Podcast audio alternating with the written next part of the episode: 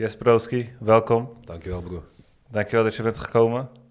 Thanks dat ik er mag zijn, broer. Gezellig, 100%, man. Zeker. Twee uurtjes geleden om hier te komen, dus eh, ik kan alleen maar eh, je bedanken, man. Dankjewel, broer. Jij ook, man. Ehm, ja, voor de mensen die zich afvragen wie je bent, kan je, eh, kan je vertellen aan de mensen wie je bent? Zeker. Ik, ik ben Farid. Ik kijk jou gewoon even aan of camera, maakt niet uit. Ik ben Farid. Veel mensen kennen mij waarschijnlijk van vroeger als Lobo. Ik maakte destijds muziek onder de naam Lobo en daar heb ik best wel veel dingen mee gedaan. Verschillende clips, verschillende samenwerkingen. eh 101 sessie. Ik heb er bij verschillende labels gezeten en zo. Dus ik heb, ik heb op zich wel een redelijke fanbase opgebouwd. Maar na een tijdje eruit gelegen te hebben, eh, heb ik gewoon besloten van mezelf om een frisse start te maken. En eh, ik gebruik nu mijn echte naam, Farid. Zo heet ik ook in het echt. En ja, man, we zijn weer volle bak bezig, man. Ik vind het wel grappig dat je nu hier zit. Ik, ehm, weet nog dat ik jong was en de clip van ehm, mijn blok had gezien. Ja, ik vond het echt gruwelijk. Ja, man. Al die gasten, de buurt, allemaal Ja. verschillende, verschillende mensen. En dan- Klopt. Weet je, dat was interessant. En er was er heel weinig ook op YouTube. Dus. Klopt, man. En, dan, en dan zit je tien jaar later gewoon bij mij aan tafel. Ik ben nu volwassen. Het is toch wel gek als je er zo over nadenkt, weet je. Ja, mooi. ik vind het groeien. Ik heb jou ook zien groeien, snap je? En ik vond het ook heel tof dat ik hier kon komen, omdat ik gewoon... eh, goed, ik ken je niet persoonlijk. Nu hebben we elkaar even leren kennen, maar... Hoe ik jouw ontwikkeling heb gezien, heeft gewoon ook best wel aan, me- aan mezelf laten denken, snap je? En ik voelde gewoon heel die vibe, bro. Jullie komen ook uit een bepaalde buurt en het was chaos en noem maar op, snap je? En de persoon die je nu bent, volwassen, weet toch, bescheiden, netjes, beleefd. Ja, dat vind ik gewoon keihard, bro. En ik voel dat gewoon heel erg. Ik fok daar gewoon mee, omdat ik dat ook meegemaakt heb van mezelf. En, ja, eh, dat, dat, dat- ik hoorde het wel vaak van, ja, je bent, je bent zo en zo. Maar meestal, eh, het, is, het is niet wat je, om, om wat je hebt gezegd, maar mhm. ik ben altijd al bescheiden geweest, man. Het kwam misschien Maar- niet op beeld zo over. Ook, ook. Nee, ook hoe ik mezelf neerzette. Maar ik denk dat het meer kwam om, om mijn omgeving. Je wilt jezelf eh profiteren als iets wat je niet bent. Om, om te horen bij een groep. Eh, eh, als je anders bent, dan, dan kijken ze ook anders. Ze maken misbruik van je, Mhm. van je gedrag, van hoe je bent. Als jij in een buurt komt en je gaat heel bescheiden en, en rustig doen. Mensen kunnen goed gebruik van je maken. Mensen kunnen over je heen lopen. Mhm. Dus ik denk dat ik in die Zeker. tijd ook gewoon een, eh, een personage opzet of zo. Dat ik, Misschien ook een ik ben beetje niet straat, je be- weet toch? beïnvloedbaar, misschien kan dat? Ja, ook, ook. Ja, Nee, ik denk dat ik gewoon echt een... eh, ik wilde gewoon straat zijn, maar ik ben niet straat. ik voel je. Ik voel je, bro. Ik, ik kan me relativeren daarin, bro. Want kijk, als je gaat kijken naar hoe ik was... eh, niet gezien van hoe ik mij eigen heb geprofileerd destijds, maar ook in de zin van... Als ik terug ga denken naar eh, toen ik nog niet in Nederland woonde... dan herinner ik mijzelf ook gewoon als echt een... Zo'n kleine bange boy. Heel, heel, zacht, heel lief. Ehm, ik was heel goed met leren. Ik kon heel goed lezen, schrijven op hele jonge leeftijd. Ik, ik was heel welbespraakt. En ik heb nu op school gezeten tot, mijn, eh, tot ik in Nederland kwam. Ik was een jaar of negen of tien toen ik Nederland, in Nederland kwam. Tot die tijd heb ik niet op school gezeten, bro. Maar mijn moeder leerde mij alles gewoon thuis, snap je, lezen, schrijven. En ik was gewoon echt op een bepaalde niveau voor een kind van die leeftijd. Snelle leerling. Ja, maar het ding is dat ik eigenlijk helemaal eh, opnieuw moest beginnen. En eigenlijk heb ik een soort van een, ben ik een tweede leven begonnen of zo vanaf dat ik in Nederland inkwam. Want Vertel daar meer over, man. Waar ben je vandaan gekomen? ik ben geboren in Azerbeidzjan. Je, we zijn broederlanden. En eh, ik denk, ik weet niet meer precies hoe oud ik was, broer. Ik denk ergens een, een jaar misschien. een ander. Ik was baby. Toen eh, zijn wij naar Rusland verhuisd. Naar Rusland. Naar Rusland, ja. Ik heb... eh, ehm, ik, mijn vader was ik al kwijt. Eh, Mag ik en- vragen hoe? ja, dat mag je zeker vragen. Alleen weet je wat het, hele- het grappige ervan is? Dat wij het zelf ook niet weten. En kijk, mijn moeder, bro. Mijn moeder is mijn beste vriend. Mijn moeder is mijn... Ja, ik vind het ook mooi. Je zei net ook van... we zaten net begin, toen zei wacht even, ik wil even mijn moeder hebben om te laten weten dat ik ben aangekomen. Ja, ja, 100% bro. Tot de dag van vandaag. Waar ik ook ga, ik ben veel onderweg. Maar eh, mijn moeder, eh, ik laat haar altijd weten waar ik ben. Dat ik veilig ben aangekomen. Omdat ik gewoon heel weet hoe zij, zeg maar, na alles wat zij heeft meegemaakt, weet ik gewoon hoeveel zorgen zij zich maakt als ik buiten ben, broer. Al, al ben ik in de buurt. Zij wil gewoon even om de paar uur horen dat ik nog in orde ben. Dus dat doe ik ook gewoon. Kleine moeite toch, broer. En als ik met mijn moeder dus bepaalde onderwerpen ga eh, bespreken en zo, dan merk ik dat het haar gewoon heel erg pijn doet. Dat ze het gewoon niet erover wil hebben, weet je. Dus Ik weet niet altijd, zeg maar, of ik alles weet en noem maar op. Maar ik weet in ieder geval dat ik eh, nooit een exacte reden heb gehad, zeg maar, eh, waar mijn vader naartoe was. Ik weet dat hij gewoon verdween uit ons leven. Hij, hij moest weg of zo en nooit meer terugkomen. Dat is het een beetje, man, bro. Ben je benieuwd waar die is? Ja, man, ik ben benieuwd, maar... Heb je nooit naar hem ja, gezocht? Kijk, weet je, je kent dat, hè? Via, via die, via die, via die. Er is ooit te sprake geweest dat hij wel ondertussen al overleden is. Dat wel. Als je dat niet weet. Zit, Ja. zit, zit, zit dat... Het zit super diep, bro, tuurlijk, man. Alleen, weet je, er zijn gewoon bepaalde dingen die eh, gebeurd zijn, bro, die mij... Ik zeg het soms tegen mijn matties ook wel of tegen mijn wifey, weet je, of tegen, tegen mijn moeder. Ik zeg, ik weet niet, man, er zijn soms van die momenten, ik kan niet meer huilen. Of zo, weet je wel, of ik kan, ik kan zeg maar niet, eh, ik weet niet, soort van, je bent op een of andere manier een beetje eh, verdoofd of zo op bepaalde, op bepaalde plekken, snap je? En aan de andere kant ben ik juist een hele gevoelige guy, bro. Ik kan zo gangster praten als je wil, bro. Maar als ik, eh, als ik iets gevoeligs meemaak, ik laat een traan, bro. Ik ben een mens van, eh, van, van vlees en bloed. Alleen op bepaalde ge- eh, momenten gebeurt er iets, weet je. En dan heel veel mensen die gaan er kapot van huilen. En ik, ik weet niet, het pakt mij niet. En dan vind ik het raar, hè. Snap je? Dus ik denk dat er gewoon heel veel dingen gebeurd zijn. Is dat alleen bij bepaalde onderwerpen? Ehm, Of bedoel je nu in het algemeen? algemeen een beetje, bro. Zeg maar, eh, ehm, het is heel raar. De ene keer kan ik heel emotioneel zijn, bro. Om wat, om wat moet je snel huilen? Ehm, bro, ik zeg je eerlijk, wel, waar ik de laatste tijd echt een beetje para van word, zijn die filmpjes van kinderen en zo, man, bro. Die filmpjes op internet die rondslingeren van kinderen in bepaalde landen en zo, die kapot gaan, die zo liggen, bro. Ik zweer, als ik dat zie, ik ben helemaal fucked up dan. hè. Ja, man. Ik, ik, ik, ik kan niet meer eh, functioneren zo. Dan ben ik gewoon even uitgeschakeld. Ik, ik, dat, dat pakt mij heel erg. Maar dan zijn er bijvoorbeeld weer iets anders op televisie of weet ik veel wat. En, dan- zegt mijn vrouwtje bijvoorbeeld van... Oh, echt zielig, weet je wel. Of dit, dat. Dan zeg ik, nee, wat fuck man, weet je wel. Zo. Heel vaag, bro. Ik, eh, dat is ook een van de gevaren van social media. Wij zitten in zo'n periode. Wij gaan rondop, we kijken rond op ons telefoon en we zien bepaalde beelden. En het is zo genormaliseerd in onze hoofd dat we gewoon bij bepaalde beelden zonder te schrikken door kunnen scrollen. Of kunnen Ja. kijken zonder iets te voelen. Omdat we zo vaak dezelfde dingen zien. Ja. Omdat we zo vaak dezelfde dingen zien, wordt het op een gegeven moment normaal. En dat is heel gevaarlijk. Ja, dat is zeker zo, man. Want als je dat dan bijvoorbeeld aan een oudere persoon laat zien of zo, die niet zoveel op social media zit, die schrikt er wel, wel helemaal Ja. van. En dat is een beetje het verschil, denk ik. Maar, maar... ik weet niet, man.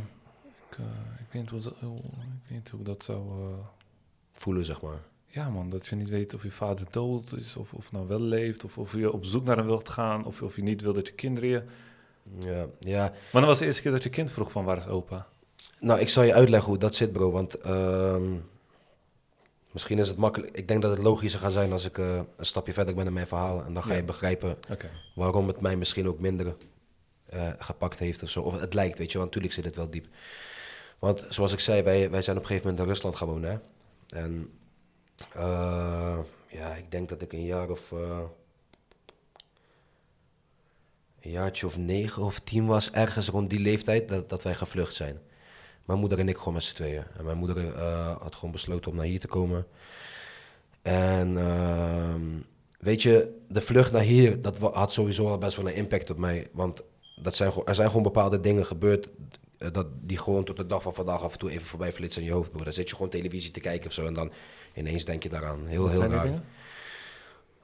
Wij zijn bijvoorbeeld in een vrachtwagen achterin naar hier gevlucht, bro. We hebben drie dagen opgesloten zitten in zo'n laadbak, zeg maar, weet je wel. En eh, met, met dozen en zo. Ik weet niet wat er in die dozen zat, maar wij zaten daar. En toen zijn we ergens... eh, eh, besef ik was negen of tien of zo, dus ik weet niet precies waar en hoe. Maar we zijn ergens gedropt en dat zou Europa zijn. En eh, vanuit daar, ik weet niet hoe mijn moeder, moeder heeft gedaan, bro. Maar mijn moeder is een tijger in, bro. Wat zij in de range heeft gedaan, bro. Ze heeft ons in Nederland gekregen en opeens stonden we in Nederland. Via daar, via daar. En waren we ineens in Nederland beland. En eh, ja, toen begon het avontuur, man, bro. Want eh, dat was van AZC naar AZC.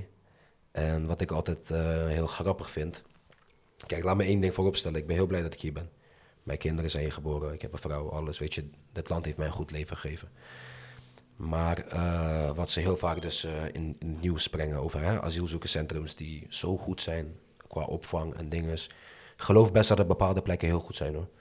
Maar ik heb het met mijn eigen ogen gezien en meegemaakt, bro. En ik weet zeg maar dat het niet altijd eraan toe gaat zoals de media Hoe gaat, beschrijven. hoe gaat het eraan toe? Bro, ik zal je vertellen, man. De eerste AZC waar we inkwamen. Je weet toch soms als ze festivals organiseren, zetten ze toch van die tenten neer. Gewoon van die tenten die je kan op- en afbouwen. Ik ga niet naar festivals. Nee, nee, nee, maar je hebt het vast wel een keer gezien op YouTube of zo, toch? Eh, Weet je? Dus veronderstel nou, je hebt gewoon van die tenten die je kan opbouwen. Ook als je bijvoorbeeld een, een, een verjaardag geeft in de tuin of zo en je zet gewoon zo'n Oké. tent op. Ja, Voel je ja. me? Ja. Je moet je voorstellen, zo'n witte tent, zeg maar. Maar een eh supergrote. Een supergrote tent. En allemaal ruimtes ingedeeld met lakens. Dus gewoon eh, lakens die opgehangen zijn. En dan kom jij daar als een jongetje van 9 of 10 ongeveer, wa- ik weet niet precies meer. Met je moeder samen binnengelopen. En tussen allemaal verschillende nationaliteiten, bro. Gewoon, je kan je zo gek niet bedenken, maar alles zat bij elkaar, bro. En dat was chaos, bro. Dat was geroep daar, geschreeuwd daar, huilende kinderen hier, huilende vrouwen daar, vechtende mannen daar. Snap je wat ik bedoel, bro? Hoe ga je slapen, man? Bro, je weet toch die zakken chips, die kleintjes, die je zeg maar opmaakt en in één keer opeet. Ik moest daar van mijn moeder drie dagen mee doen, bro, omdat we het anders niet konden. Dus zeg maar één zo'n zakje chips, ik mocht zo vier, vijf chipjes per dag pakken, zo. En dan eh, kon ik een beetje doortrekken, snap je? Ik heb dit toch van zulke rare shit gezien, bro. En ook gewoon bijvoorbeeld, eh, Bro, dat is echt heftig, man. ja toch bro, ja, ik, ik weet niet, ik praat er wat makkelijker over nu. Ja, gewoon. dat zijn ook dingen die mij raken, man. Ja, maar dat geloof het. ik, bro, dat geloof ik, Ik weet hoe het is om zonder geld op te groeien. Ik weet hoe, hoe moeilijk dat is, man. Ja. Vooral ook voor een vrouw. Ja. Daarom, bro, wat ik je net zeg, weet je, met mijn moeder iets te laten weten. Hoe, wat voor moeite is dat als je gaat kijken wat zij heeft doorstaan om mij een beter leven te geven, snap je? En als je, ja, als je bijvoorbeeld, eh, hè, dan hoort op het nieuws hoe ze zeggen van dat het allemaal zo geweldig is, bro. Ik kan je vertellen, en iedereen, ik hoop dat er toevallig iemand kijkt, bro, die in die periode ook gevlucht is, weet je wel. En die ook nou in Nederland woont. Die gaat herkennen als ik ze vertel dat je als ontbijt je weet toch die kleine jampotjes, broer, die je één keertje smeert en weggooit. Eén plakje brood, één, dat was jouw ontbijt, broer. In de middag kreeg je één appeltje. Als je geluk had, kopje soep. S'avonds kreeg je weer die boterham en weer die potje jam. Dat was jouw eten. Ja. Is faya, snap je? Het is heel moeilijk, maar aan de ene kant denk ik van... Ik weet niet hoe, hoe de methode is om, om, dat, om dat rond te krijgen, weet je. Dan heb je misschien in een land 20.000 vluchtelingen, misschien wel meer, weet je. En dan moet je die allemaal gaan... eh Tuurlijk, dat is, dat is ook zeg maar iets wat ik, wat, waar ik nu aan denk. maar weet is je, beter bedoel, dan, dan beter dan niks. 100%. op straat en op... 100% mee eens. Ik ben super dankbaar voor, voor dat ik hier ben. Laat dat voorop Ja. zijn. Alleen zeg maar, eh, ik heb gewoon heel vaak gezien dat het. Kijk, laat me het anders zeggen. Er zijn, ik denk dat heel veel mensen denken het is een, eh, het is een hotel of zo. Weet je, en je hoort toch wel eens, je, toch, hoe vaak zie je op YouTube van die mensen die tegen ons buitenlanders zijn en die roepen dan, eh, ja, ze komen hier eh, en het lijkt wel een hotel. En ze krijgen hier alles maar, weet je wel. Maar het valt allemaal reuze mee. Snap je? Het is niet dat wij hier kwamen en opeens een luxe maaltijden kregen en shit, bro. We hebben gewoon moeten struggelen, snap je? Ja. En mijn moeder, wat ik je zeg, bro, a- als een tijgerin die zij was, zij heeft natuurlijk ook gewoon eh, hè, een klein buffertje meegenomen om, om een beetje te kunnen overleven. En dat, dat heeft ons natuurlijk tot een bepaald punt gebracht dat wij het hebben kunnen doortrekken, snap je? Hoe is dat gaan? hoe, hoe- waar ben je beland na de AZ, AZC? Nou, je moet het zo zien. Vanaf, vanaf die AZC ben ik op een gegeven moment naar een andere AZC gegaan, bro. En dat was dan zeg maar eh, een soort van een gebouw alweer. En daar had je twee slaapzalen. eh, een mannenzaal en een vrouwenzaal. Ik mocht bij de vrouwenzaal omdat ik nog een, een kleine kind was, zeg maar, met, alleen, met alleenstaande moeder. Had je toen vrienden daar? Nee man bro, het was gewoon alle kindjes van de AZC gingen met elkaar spelen bro. Alleen je praat met handen en voeten met elkaar toch, want je kent die talen niet. Heb je nog mensen, eh, heb je nog contact met mensen die daar waren? Ja, maar uiteraard bro. Alleen van die AZC niet, maar wel van de AZC later, dat wel man. Wie is dat dan? Eh, bijvoorbeeld Tony, man. Tony is een oude vriend van mij waar ik mee ben opgegroeid. Wa- was echt mijn beste mattie. Ik, ik spreek af en toe Esmat Chanwari. Hij is profvoetballer bij, eh, hij heeft volgens mij bij FC Utrecht gespeeld. Dat zijn allemaal vluchtelingen. Allemaal boys My die met mij samen kwamen, man. Hoe, waar zijn die beland? Eh, ja, wat ik je zei, bro. Er is eentje profvoetballer geworden. Eentje is eh, Arash, was een Afghaanse jongen. Hij is zakenman geworden. Eh, ja, mooi, Er zijn heel veel jongens die het goed doen, tegenwoordig. Maar ga door, sorry, was wij. Ja, ja, zeker, zeker. Dat is altijd leuk. Ehm, ja, die slaapzaal, wat ik je zeg, bro, waren twee zalen en ehm, eh, het eten was nog steeds hetzelfde. Eh, ik denk dat het gewoon één organisatie was die dat gewoon eigenlijk eh, regelde. Alleen in verschillende locaties. En eh, je moest zeg maar dus zeven uur 's ochtends opstaan, bro. Eh, en dan moest je zeg maar eh, van die stoelen gaan zitten op een rijtje. Allemaal zo op een rij achter elkaar. En dan moesten de ouderen daar blijven zitten en werden ze één voor één eruit gepikt om te verspreiden over Nederland, snap je? Van jij gaat... Je Jij krijgt wordt- een huis. Nee, ge- geen huis, weer een Oké. andere AZC. Alweer een andere Ja, AZC? ja, maar jij wordt daar geplaatst, jij wordt daar geplaatst, jij wordt daar geplaatst. Maar daar was iets best wel heftigs gebeurd. Want kijk, ik moet wel zeggen, het Nederlands klimaat heeft mij echt goed gedaan, bro. Want in mijn eigen land was ik heel vaak ziek. En eh, ik, ik, was, ik, werd gewoon heel vaak ziek als kind. En hier in Nederland viel dat mee. Maar in het begin was het nog wel een beetje erg. Dus zeg maar, toen wij in die AZC zaten, weet ik nog goed, één keertje. Ik had, ik had flinke koorts, 39 of zo, ik weet niet, was echt flink. En mijn moeder moest eh, gaan praten met de politie. Weet je wel, als vluchteling zijn, dan ga je dan gewoon praten en ze willen informatie en noem maar op. En toen kwam, eh, kwam zo'n politievrouw ons halen. En ik lag op bed, weet je, helemaal kapot. koorts, dit, dat, maar heftig ziek. En ze, zeggen, en ze zegt, die kind moet ook mee. En mijn moeder zegt van, eh, laat hem liggen, je ziet hij is ziek, weet je wel. Ik kom gewoon praten met jullie, maar laat hem eventjes, hij, is, hij, wordt, hij toch, kan echt niet. Eh, het waren twee bedden tegen elkaar geduwd. En ik lag zo'n beetje half in het midden, broer. Die, vrouw kwam gewoon, broer. Ze haalt die twee bedden uit elkaar. Ik pleur in het midden. Snap je? Zij slaat met die stok op het bed. Eh, dat kind moet mee, bla bla. Ik zeg niet zomaar tijger in, bro. Mijn ma heeft haar eens een combo gegeven daar, bro. Pak, tak, tak, tak. Was klaar, bro. Snel. Dus dat was wel weer toch... Ja, ja, bro. Je ziet daar gekke dingen gebeuren, bro. En eindstand eh, kregen ze toch voor elkaar om gewoon alleen te gaan. Zeiden ze tegen ons op een gegeven moment... jullie moeten weer naar een andere AZC. Kwam een andere AZC, bro. En dat vergeet ik nooit meer. Dat was die... eh, moment dat eh 1999 2000 werd. Je weet toch, die millennium switch. En mijn moeder en ik zaten toen met z'n tweeën in zo'n kamertje. Gewoon in zo'n kleine, kleine kamertje. En je hoorde wel een beetje vuurwerk en zo, toch? En ik weet, ik kan me herinneren, mijn moeder huilde, huilde heel veel die avond. En ehm, er was zo'n kastje, zo'n plankje. En daar lag, eh, daar lag een wortel op.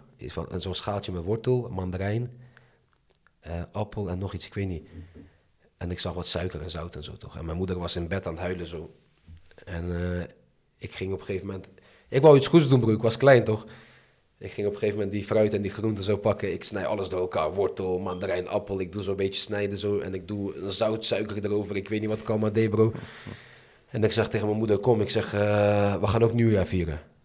Ja, bro, die brak haar gewoon nog meer. Mijn moeder begon nog meer te huilen. En die nacht, bro, die vergeet ik nooit meer hoeveel zij gehuild heeft, bro. En dat was van 99 naar 2000, toch?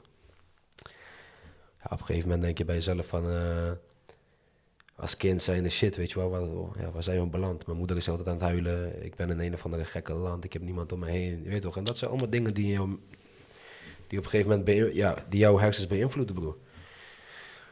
En eh, vanaf dat moment eh, zijn we weer overgeplaatst. En toen pas zijn we in Zeeland beland, man. En dat was een AZC in Sluiskeel in Hoe Zeeland. voelde het, man, toen je eerste keer echt een eigen huis inging? Ehm, kijk, eh dan kom ik dadelijk terug op het punt zeg maar, waar je over mijn vader praatte. Eh, want toen wij in Zeeland zijn beland, in Sluiskil, en dat was een AZC zeg maar ook daar zo. eh, daar heeft mijn moeder iemand leren kennen. En die man, broer, hij was onze held. Mijn moeder leerde hem kennen. Hij werd verliefd op mijn moeder. Mijn moeder werd verliefd op hem, broer. En deze man stond in het AZC bekend zeg maar, als die man die gewoon wekelijks met dozen vol met boodschappen kwam voor, voor, voor de vluchtelingen. Weet je, ik bedoel, omdat hij met mijn moeder ging, zag hij ook zeg maar, eh, wat Ja. er daar gebeurde, toch? Ja, ja. En hij was dus gewoon echt eh, zo gul dat hij altijd gewoon dozen met boodschappen bracht. En noem maar op. En toen heeft hij gewoon gezegd van luister, weet toch, ik wil gewoon eh, mijn leven met jou delen. En ik neem jou en je kind mee. En we gaan een huis in.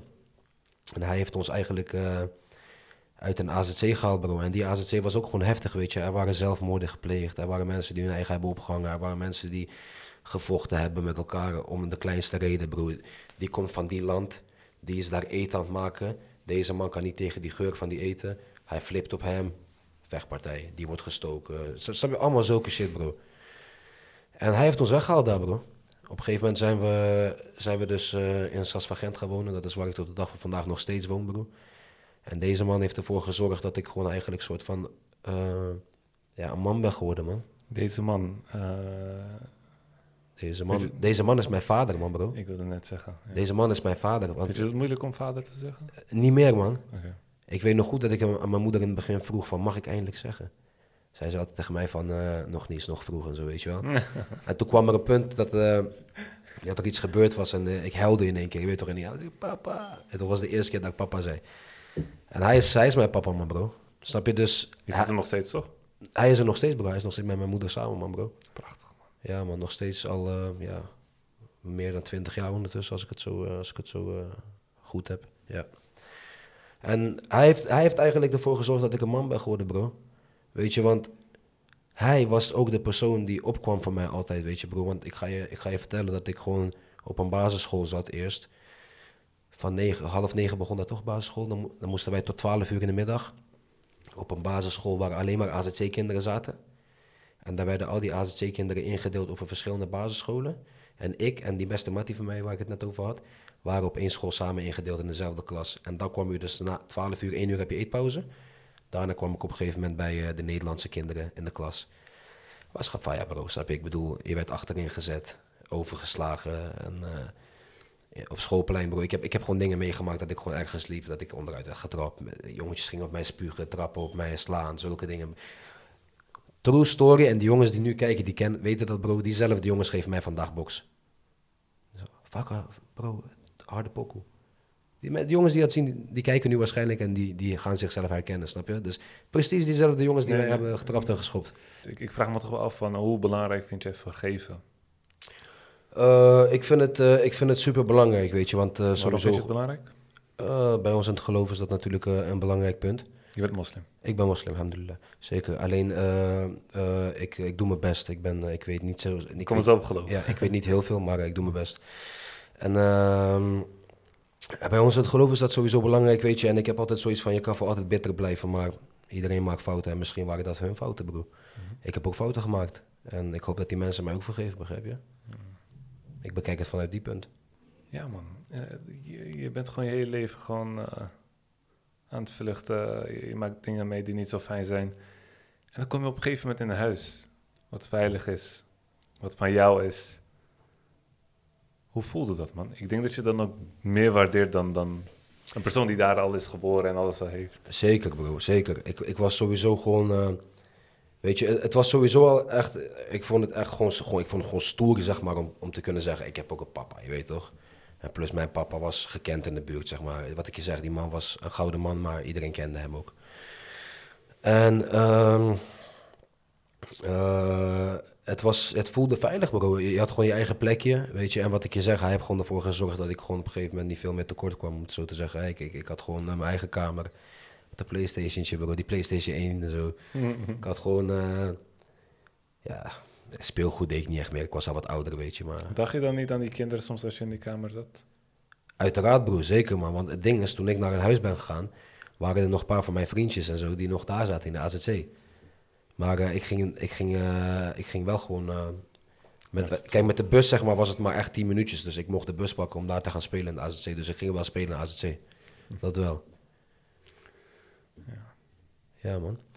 En vanuit daar is het eigenlijk allemaal een beetje eh, begonnen ook, weet je. In die eerste woning waar wij terechtkwamen. Ik weet nog goed dat eh, mijn vader toen eh, een doos had, bro. En daar zaten allemaal films en dvd's en cd's in.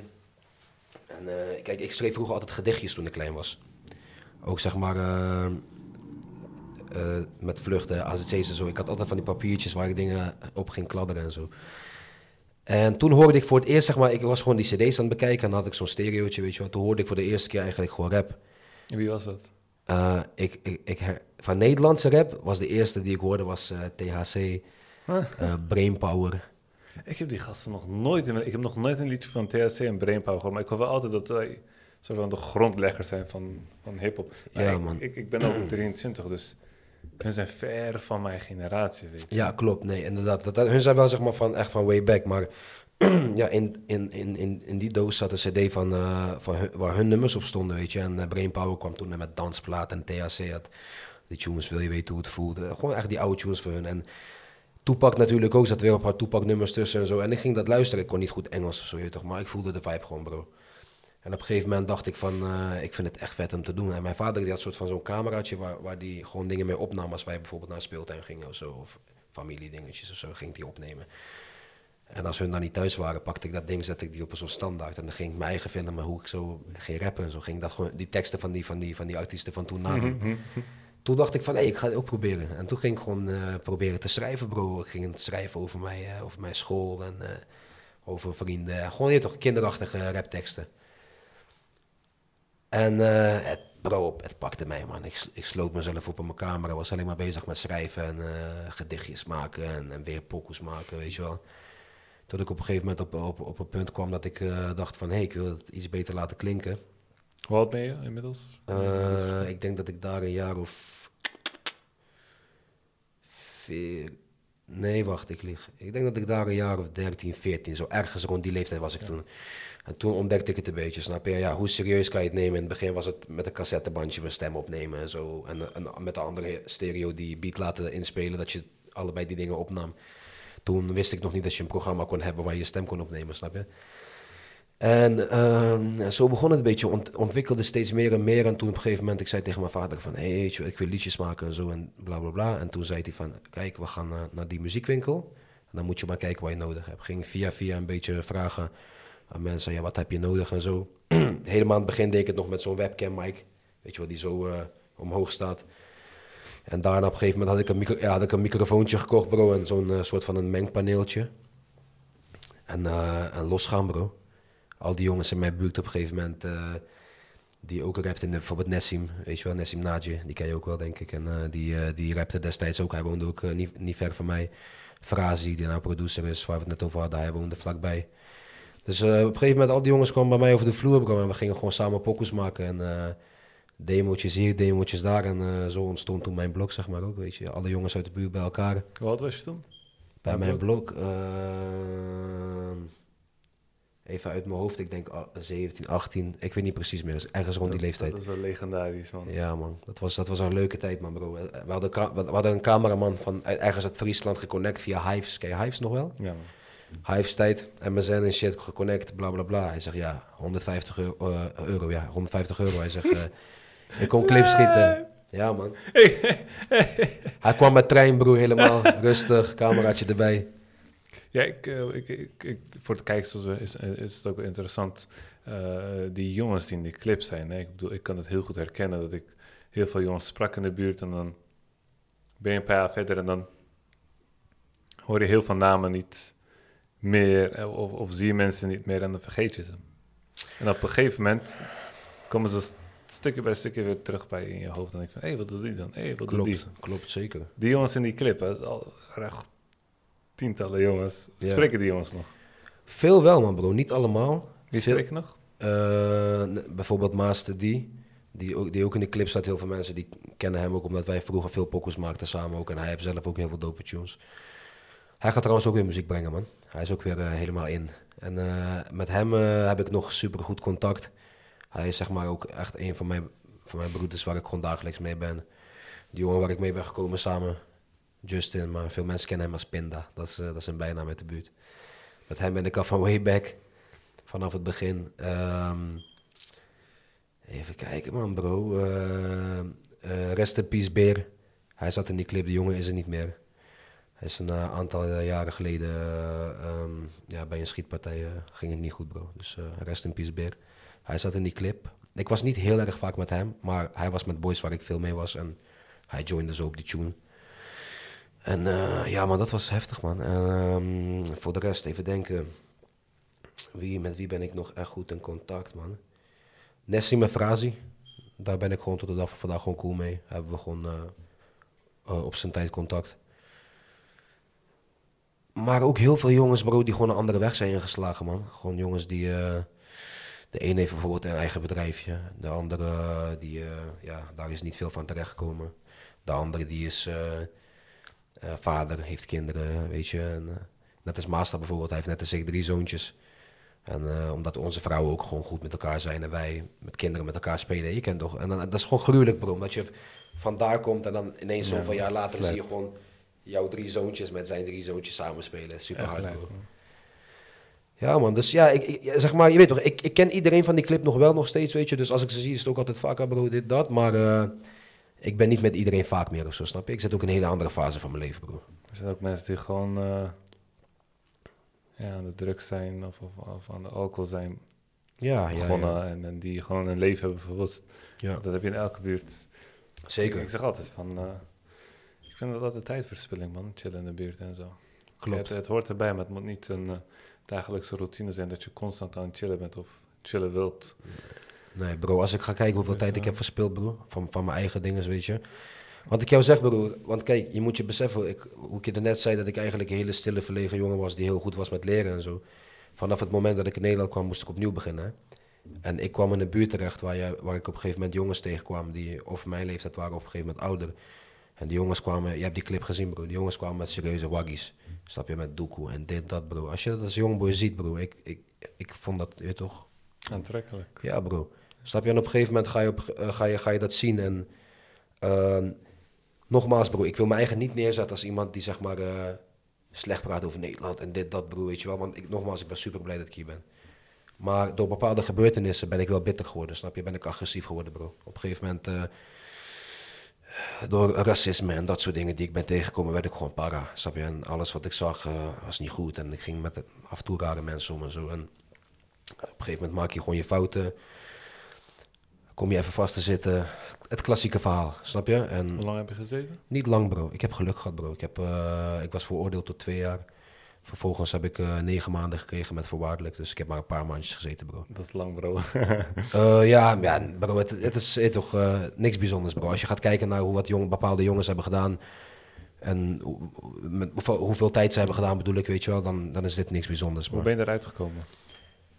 Ehm, ik zal je vertellen, bro. Het was ook een van de periodes in mijn leven die me wel, ondanks dat het niet lang was, wel zeg maar echt beïnvloed heeft. Want eh, ik heb drie zoontjes, hè? Eentje zes en ik heb een tweeling van 2,5. Het was een oude straf die ik moest uitzitten. En ik had gepland dat ik dus mijn straf ging uitzitten. En het zou zo uitkomen dat wanneer ik eh, naar buiten kwam, dat mijn vrouw ging bevallen van de tweeling. Maar wat gebeurde, bro? Ze komen te vroeg. Snap je? En ik mis de geboorte van hun. En dat... Ja, bro. Ja, man. Ja, man. Eén week precies. Nee, en ze liet hij ook niet gaan of zo? Eén week precies, bro. Bro, dat het... Bro, weet je hoeveel moeite ik heb gedaan om verlof te krijgen die dag? Ik zeg, luister. Ik zeg, ik moet nog één weekje. Laat mij alsjeblieft onder begeleiding gaan. Want ik ben ook een keer naar het ziekenhuis geweest toen ik ben er zat, bro. Dan moest ik ook met eh, twee bewakers, met handboeien het ziekenhuis inlopen. Ik zeg, dat kan nu toch ook? Het is het, kijk, het was zo, mijn vrouw moest of bij ons in de buurt gaan bevallen, of ze moest naar België gebracht, eh, gebracht worden, omdat de tweeling, ze kwamen te vroeg en voor de zekerheid wouden ze misschien in een andere ziekenhuis in België het gaan doen. Ze zeggen vluggevaar tegen mij, je gaat naar een ander land, als ze in België moet. Ik zeg vluggevaar? Ik zeg, ik moet nog een weekje. Denk je dat ik, ik wil, gaan, ik wil hun de geboorte meemaken en ik kom terug? Heb je daar problemen mee gehad met je vrouw? Omdat je niet weet geboorte Nee, bro. Zij is, bro, zij is gangster, bro. Zij is gewoon echt mijn, mijn die. Je weet toch, zij heeft mij, va- mijn rug vanaf begin tot einde gehad, bro. Snap je? Vanaf het, hoe lang wij samen zijn. Zij heeft altijd mijn rug gehad, bro. In de goede en slechte tijden. Snap je? Wanneer ik goed ging, was ze met mij. Maar wanneer ik fucked up ging, was ze ook met mij, bro. Dat is mooi, man. Zeker. En ehm, ja, bro, dat was gewoon een flinke impact, bro. Ik zeg je eerlijk, want weet je wat het is? Ik had, ik had al een zoontje. En als je in een paar maanden dan eh, in zo'n omgeving zit, in een klein kamertje. Ik had wel een celmaatje, weet je, waar ik gewoon goed mee was. Maar het is heel rustig. Je bent die drukte niet gewend en zo, snap je? En als je dan ineens te laat bent en je hebt geen aanloop gehad, toch? Om een soort van gevoelsmatige voorbereiding. Dat was er niet. Bro, ik kom buiten en ik heb opeens drie kinderen. Ik, ik kon in het begin even niet handelen, bro. Huilen, huilen, weet je wel. Want kijk, je moet je voorstellen, ik kom, ik kom vrij, bro. Het, financie- eh, het financiële gedeelte kon je niet handelen? Of? Nee, nee, nee, eh, mentaal een beetje, bro. Oké, oh. Ja, want ik kwam, ik kwam buiten, bro. Eh, mijn matties had me opgehaald. En de, de, de kinderen waren geboren. En ehm, ik, ik ben direct naar het ziekenhuis gereden, bro. En dat was de eerste keer dat ik hun gezien heb. Ja, ik, moet, ik, ik lieg niet. Shout-out naar Kleine. Dat was iemand die daar ook zat, bro. Deze man heeft voor mij snelle jelle telefoontje gefixt toen binnen. Dus ik heb vanuit mezelf wel even kunnen facetimen. Zo snap je? Ik bedoel, nu kunnen ze me toch niks meer doen. Dus heb ik rustig kunnen facetimen. Heb ik nog foto's gezien. En heb ik eventjes de, de baby's in de eerste opzicht via de telefoon gezien. Vervolgens eh, heb ik eh, eh, hun real life gezien één week daarna. En heb ik nog een week in het ziekenhuis moeten slapen.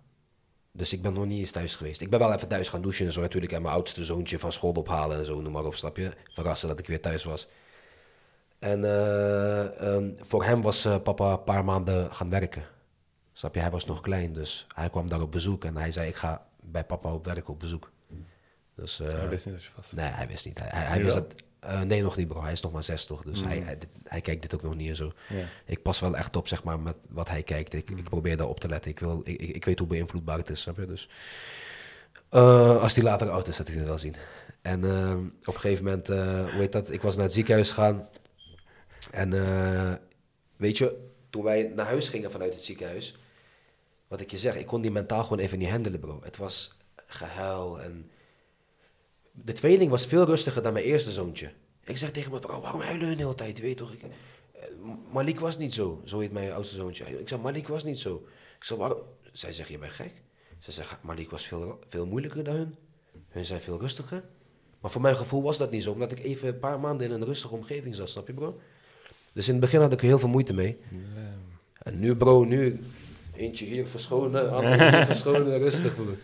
Ja man, dus ik ben wel een beetje huisvadertje zo geworden man. Ik, ik, ik doe mijn taken en eh, ik, eh, ik kan het veel beter handelen nu man. Voor de mensen die, die het afvragen, ehm, hoe bekostig je je financiële...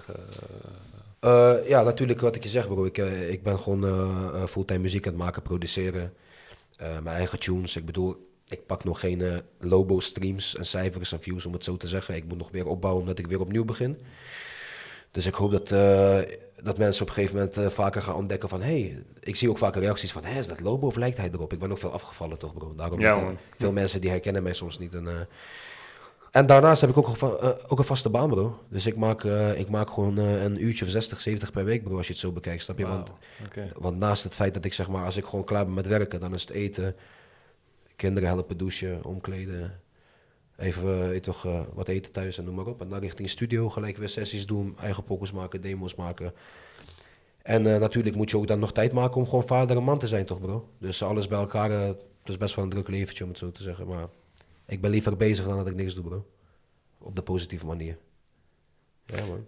Druk hem aan, bro. Ja, ja. Shit. Dat is druk, bro, zeker. Wat, wat, wat ook best wel lastig was, kijk, in, in, die, die strafzaak van mij was nog bezig en ik was nog aan het afwachten. En eh, op een gegeven moment, eh, wat hebben ze dus in de eerste instantie gedaan, bro? Eh, dat was nog toen mijn eerste zoontje geboren moest worden. Ehm, mijn eerste zoontje, het was bijna zover dat hij, dat hij zou komen. En ik weet nog goed, bro, ik liep naar de bank. Ik wil pinnen en opeens, het lukt mij niet om te pinnen. Ik probeer altijd te pinnen, bro. Ik denk, die apparaat is kapot. Ik rij weer naar een andere bank, ik wil pinnen. Lukt mij niet, bro. Oh mijn god. Ja, toch, precies dat. Net Maar ik had je het een nog- kind krijgt. Ik had het nog niet door, hè, bro. Ik had het nog helemaal niet door, bro. Ik dacht gewoon van... eh, ik dacht gewoon van... eh daar is iets met mijn pas of zo, snap je? Dus ik bel naar de bank. Ik zeg, eh, ja, goedemiddag. Ik zeg dit, dat. Ik zeg, ik wil graag pinnen. Ik zeg, maar het lukt mij niet. Ja, wat is uw naam? Bla, bla, bla. Ze kijken in die gegevens en eh, zeggen van, ja, uw rekening is eh, bevroren. Eh, justitie, politie, dit, dat. U, u, mag er niet bij en er wordt een onderzoek naar gedaan. En daar zat gewoon, daar zat gewoon ja, een bedrag, wat ik ook een beetje gespaard had, noem maar op. En op een gegeven moment, bro, dat werd gewoon bevroren toch. Maar mijn kind is net, komt bijna op de wereld, bro. Ik heb het niet voor elkaar gekregen, hè, die doekoe, bro. Eind, ik denk dat hij ondertussen al een jaar of, of twee jaar alweer was toen ik eindelijk die doeken terugkreeg, bro. Snap je? Dus dan kom je in één keer in die periode. Gelukkig had ik nog, zeg maar, een backup, om het zo te zeggen. Dus ik heb mijn eigen gewoon goed kunnen redden. Maar eh, het was wel even wat pittiger, je weet toch? En op een gegeven moment... eh, nachtmerrie, man, broer. zeker, Ik bro. weet hoe dat is om, om niet te kunnen pinnen of, of, of om geen geld te hebben. Dan vooral nog in zo'n situatie. Ja, man. Het is voor mij hoop, omdat ik dan weer denk van... Oké, zie je, kijk, jij maakt zoiets mee. Dus als ik later iets moet, moet, moet gaan bekostigen... En ik heb even niet de middelen daarvoor... Zijn er altijd opties en kan je er altijd nog wel goed uitkomen. Ik hoor heel, heel, heel vaak mensen zeggen, weet je, een kind is echt duur. En Het is het ook, zeker weten. En ik, heb- ik heb er drie, broer, ik weet er alles van. Alleen, alleen zeg maar, je kan het ook zo gek maken als je zelf wil, denk ik, snap je? Je kan, je, je kan de rompertjes, eh, van die kleine rompertjes van eh, Gucci gaan kopen, maar je kan ook gewoon normale rompertjes kopen. Wat waarom Gucci, broer? Je weet, hoe je weet hoe mensen zijn, toch? ja, Snap je? absurd, man. Ik, ik ben ook gewoon totaal niet op dat, eh, mij zie je niet met eh, gekke merk. Geen geld daarvoor, broer. Ik, ik heb geen geld. Ja, man. Nee, maar broer, dat is gewoon stabiel toch, broer? Want wat, weet je ik, ik, ik heb zoiets van, broer. Ik zeg dat ook heel vaak tegen jongens uit mijn buurt en zo, weet je wel. Van, je leuk merk, dit, dat. Je ziet er tof uit. Snap je? Maar mijn koelkast is altijd vol, bro. Ik heb een huis, ik heb kinderen. Je leven verandert op een gegeven moment als Tuurlijk, je, broer, zeker, bent. Ik bedoel, dat is allemaal niet nodig, man, naar mijn gevoel. Laten we overgaan naar geloof. Ben je gelovig? Ik ben gelovig, bro. Zeker, alhamdulillah. Alleen, eh, Tot hoe ver ben je dan, als ehm, dat, dat kan misschien heel raar klinken, maar daarmee bedoel ik van... eh, eh, tot hoe ver heb je echt onderzocht waarin je gelooft? En, en Kijk, bro, eh, mijn moeder heeft mij niet streng gelovig opgevoed. ja, wat is streng gelovig? Eh, meer mij- in de zin ik- van, eh, ik- ik, ik, moest niet bidden of zo, weet je wel. En eh, eh, qua Ja, ja. vasten en dat soort dingen. Eh, eh, Ik moest niet, in principe niet... eh, ze liet mij eigenlijk een beetje mijn gang gaan. Ontdek het maar.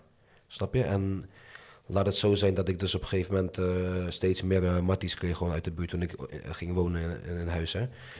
Er waren gewoon jongens van verschillende afkomsten, bro. Turkse jongens, Joegoslaven, Bosniërs, Albanese. Weet je, dat zijn allemaal gewoon broeders van ons, ook moslim. En, eigenlijk, ik denk dat ik, dat ik eigenlijk meer van hun geleerd heb. Snap je? Al, al, al ben ik tot de dag van vandaag niet perfect, niemand van ons is perfect, maar ik pro- probeer gewoon... Kijk, Abdul, allround, allround video's, mensen ken- kennen hem misschien ook wel. Hij stimuleert mij heel vaak daarin, weet je. Hij heeft vorige keer voor mij ook een, stapeltje met papieren uitgeprint, met teksten en noem maar op, weet je wel. Van, lees dit, zegt hij. Hier, zo kan je het leren, dit doen, dat doen, weet je. En ik, ik doe mijn best, bro. Het, ik, ik vind het wel moeilijk, man. Ge- geef ik gewoon eerlijk toe. Ja, ik ehm, kan wat kritisch vragen aan. Ehm, je zegt dat je het moeilijk vindt, maar, maar wat, wat vind je moeilijk aan, aan, aan het geloof? Want, want Ehm, bidden is letterlijk... Maar ik geef maar een voorbeeld, hè? Mhm. Het is niet eh, denigrerend. Nee, nee, nee, eh, zeker, zeker. Opdringerig bedoeld. Nee, 100. Bijvoorbeeld, eh, als je gaat bidden, mensen zeggen van het is heel moeilijk. Ik heb dat ook gezegd. Maar als je het dan gaat doen, dan is het, je reinigt jezelf. Dus twee minuten en je bidt is vijf minuten. Ja, nee, daar, daar ben ik het volledig met je eens. Ik denk zeg maar dat als je eenmaal die stap hebt gemaakt, dat je... Kijk, wat ik je zeg, bro. Misschien heb ik het nog niet in mijn prioriteiten gezet. Laat me het zo zeggen. Want, Dat is het, denk ik. snap Ja. je? Misschien heb ik het nog niet in mijn prioriteiten gezet, omdat ik, wat ik net zei, omdat ik zo'n druk leven heb en heen en weer vlieg overal. Eh, denk ik er gewoon minder aan, weet je. Ik bedoel, kijk, als er iets gebeurt, maar Matties weten, ik ben al, ik ben zeg maar, net als, kijk, ik ben niet die guy die brood zomaar weggooit, bijvoorbeeld. Ik, weet je, ik, ik weet niet zeg maar per se of dat heel diep met het geloof te maken heeft, maar ik zelf, van kleins af aan, wel een fatsoen, eh, no- normen en waarden meegekregen van moeder, van brood mag je nooit zomaar weggooien. Moet het neerleggen. Of eh, eh, gewoon opeten, begrijp je? En met eten en dat soort dingen ben ik altijd heel voorzichtig omgegaan, begrijp je? Nooit zomaar dingen weg, we- wegpleuren. En ik, ik hecht er gewoon heel veel waarde aan die belangrijke dingen. Levensmiddelen, om het zo te zeggen. En in de zin van bidden, zeg maar, als je mij nu zegt van, kun je in het Arabisch die en die versen doen, zeg maar. Ik kan dat niet. Geef ik gewoon eerlijk toe. Eh, wil ik wel graag. Eh, maar ik denk dat het zeg maar eh, sp- een spontaan iets moet zijn wat ik op een gegeven moment gewoon eindstand ga beseffen. En wanneer, wanneer denk je dat je daar klaar voor bent? Want, ik- want ik- het kan ik morgen er niet meer zijn. Ik weet, ja, 100% mee eens, bro. En misschien is het ook wel heel goed dat je dit nu aangeeft. Misschien ga ik er meer over nadenken, weet je. En ook gewoon heel veel jongens die ik om me heen spreek, die stimuleren mij dat ook om te doen. Ja, ik zeg nooit praktiseer tegen iemand, maar ik ben wel een voorstander van eh, weet wel waar je in gelooft. Ja. Doe er onderzoek over. Zeker, zeker. Zeker, 100% bro. Ik geloof gewoon... eh, Want, want als ik bijvoorbeeld, hè, en dat, dat geldt voor heel veel mensen, als ik nu eh, aan iemand vraag, aan wie dan ook, dan is het heel moeilijk om dit te beantwoorden. Bijvoorbeeld iemand komt naar jou toe en hij zegt van, hey, jij bent islamitisch, yes. Oké, dit is de eerste en de laatste keer dat je mij zal zien. Ik ben op zoek naar de ware religie. Waarom is islam de ware religie? Wat zou je dan zeggen? ja, dat is een goede vraag. Dat is een hele sterke vraag, man. Ja, ik kan nu wel alles gaan freestylen, maar ik weet niet wat ik zou zeggen, bro. Dat bedoel ik. En dat is dus eh, het, het geloof. Heel Ja. veel mensen weten niet waarom ze geloven. Ja. Dat is ook de reden waarom heel veel mensen haat hebben tegen de islam. We denken dat we heel veel weten, maar we weten niks. Ik denk dat weten al zou beginnen als we.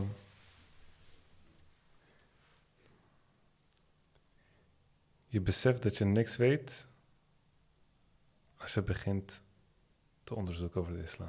Ja. Dan weet je van, oké, ik ben een druppel in de oceaan. ja jij bent geen- nooit uitgeleerd. Nee, nee, nee. Jij, jij, jij bent, Dus- jij bent wat dieper erin gegaan op een gegeven moment, hè? Heb ik, eh, heb ik, eh, heb ik Ja, doorgehad. voor mij was het belangrijk. Ik dacht Ja. van, eh, oké, ik bid nu niet, maar ik zeg dat ik in God geloof. ik, ga, één- ik ga één kant op. Of ik ga stoppen met de islam en, en ik ga gewoon niet meer geloven. Mhm. En ik ga gewoon doen wat ik wil in mijn leven, gewoon crazy. Ja, toch? the crazy life. Mhm. Gewoon vrij. Of, of ik ga gewoon onderzoeken waarin ik geloof. Want, want het kan niet zo zijn dat ik zeg van... Oké, ik geloof in God en dan, als ik dit niet doe en als ik dat niet doe... dan ga ik naar de hel. Maar ik doe het niet. Dan, weet je, ik vroeg mezelf af van... tot ver geloof ik dan echt? En op een gegeven moment dacht ik van... Oké, nu ga ik even onderzoeken wat wat is, waarom de islam de waarheid is, waarom ik in God zou moeten geloven. En dan heb ik gewoon hele kritische vragen gesteld, totdat ik het echt, zeg maar, oprecht accepteerde. En ik zeg ook oprecht, omdat ik niet met twijfels wilde zetten. Ik wil gewoon alles accepteren, al mijn vragen eruit. En toen eh, besefte ik van, oké, die vragen blijven maar komen. Je bent nooit uitgeleerd. Er zijn altijd wel bijzondere dingen waar je achter komt later. Dus. Ja, man. Dat is ook zo, man. Zeker, bro. En Ja. ieder, ieder, iedereen, iedereen heeft zijn eigen pad, weet je. Misschien eh, is dat bij jou wat later. Ja. Maar wat ik dan zou willen meegeven is... Weet beter zo snel mogelijk. Je hebt niet Ja, de tijd in, de- in de hand, weet je. Het kan zomaar zijn dat je er morgen niet bent. Klopt, bro. En ik heb het ook vaak genoeg meegemaakt, jongen. Jongens van mijn leeftijd, van mijn vriendengroep van vroeger, die plots eh, verdwenen zijn. Ja, Ik heb het meegemaakt, bro. Ik weet het. Ik weet niet. ehm, eh, eh, ehm, ja, het moet. Ik weet niet, man. Het, ik, ik, ik moet het misschien gewoon doen, inderdaad, man. Ik vind het ook heel goed dat je het aangeeft, man. En ik probeer ook gewoon. Ik probeer het wel, hoor, daar niet van. Het is niet dat ik het helemaal links laat liggen of zo. Ik probeer natuurlijk altijd wel even vragen te stellen. En soms vraag ik aan mijn matties die wel dieper erin zitten van, hé, hey, maar hoe zit dat dan, weet je wel? En eh, wat zeg je hier dan over? Of, wat denk jij hiervan? Wat is een vraag wat je, wat je heel... Wat je is bijgebleven? Die ik aan, aan hun Ja. gesteld heb? Of, of een vraag die je nu gewoon... eh, Ja, eigenlijk, weet je, ik heb die vraag wel eens gesteld aan Matties en dan krijg je wel hele, hele diverse antwoorden, heb ik gemerkt. Maar ja, dat is gevaarlijk. ja, Je moet nooit aan vrienden vragen, je moet aan geleerden vragen. ja, ja, beter wel inderdaad, ja. Want- Maar dat is ook een stukje... Kijk, mensen die willen altijd... eh, eh, er was een, er was een eh, Eulia, een, een vriend van Allah, een, Mhm. een, een hele goed praktiserend persoon. En super slim. Heel veel kennis over de islam. Hij wist super veel. En je hebt zikr. Zikr is Allah herinneren. Dus Allah, Alhamdulillah, alhamdulillah, alhamdulillah. Gewoon in je zeggen, weet je, dat Mhm. is zikr. ja, La ilaha illallah. Noem maar op, ik ben. En toen eh, kwam hij bij een sheikh. En die sheikh die zou hem gaan begeleiden. Mhm. Die sheikh zei tegen hem, Yunus Emre, jouw zikr, dus jouw herdenking is, ben bilmem. Dat betekent, ik weet het. ik weet niet. Ik weet, Iedereen die naar jou komt en een vraag stelt, moet jij beantwoorden met, ik weet het niet. Waarom? Omdat de mens zo graag wil vertellen. mhm, De mens houdt er niet van om te zeggen van, ik weet het niet, ik heb daar geen antwoord op. mhm. En hij was op zo'n punt dat hij zo erg tegen zijn nefs, tegen zijn ego ging werken, door tegen iedereen te zeggen van, ik weet het niet. De meest simpele vragen.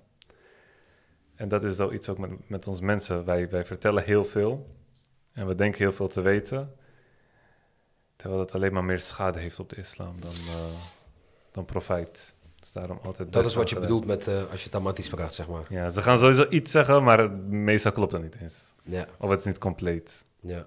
En vooral bij dit soort vragen, weet je, is het belangrijk om compleet antwoord te krijgen. Klopt, man, zeker. Want eh, ja, goed. Wat was die vraag? Wat, eh, het, het was eigenlijk, kijk, zeg maar, gewoon een hele brede vraag, weet je wel. Vooral in, vooral in de beginfase, toen ik eigenlijk eh, toen een klein beetje meer wou verdiepen en zo. Was het eh, van, eh hey, mijn boys, zaten we in een groepje zo af aan het praten erover. Zeg van, mijn boys, maar luister, waarom gebeurt dit dan als hij er is? Snap je? Die, die, die brede vraag die gewoon vaak, zeg maar, eh, gesteld wordt in vriendengroepen als je over geloof praat. Ja. Dus ja, waarom, waarom gebeurt dit? Of waarom gebeurt dat met die? Of wa- wa- waarom is dit zo'n situatie als hij controle heeft erover, snap je? Hmm, Voel je me? Ja, bijvoorbeeld een oorlog. Bijvoorbeeld, bro. Of, of, of kindjes die, eh, die eh, ja, helemaal lijden. En eh, ja, die filmpjes, bro. Ik krijg ook kipvel als ik eraan denk, bro. Snap je? Zulke dingen. Dan vraag ik me echt waarom. Ik wil even iets nieuws proberen. Dit is de vraag die, die Farid heeft. En in plaats van dat ik hem ga beantwoorden, want eh, mijn antwoorden die zijn niet altijd eh, perfect, zou ik het tof vinden als de mensen in de reacties een antwoord geven op Farid. Ga je het dan lezen? Wie- 100, bro. Ik lees ze, man. Zeker, Oké, man. nou guys, hij gaat het 100% lezen, dus, dus eh, laat een reactie achter op zijn vraag.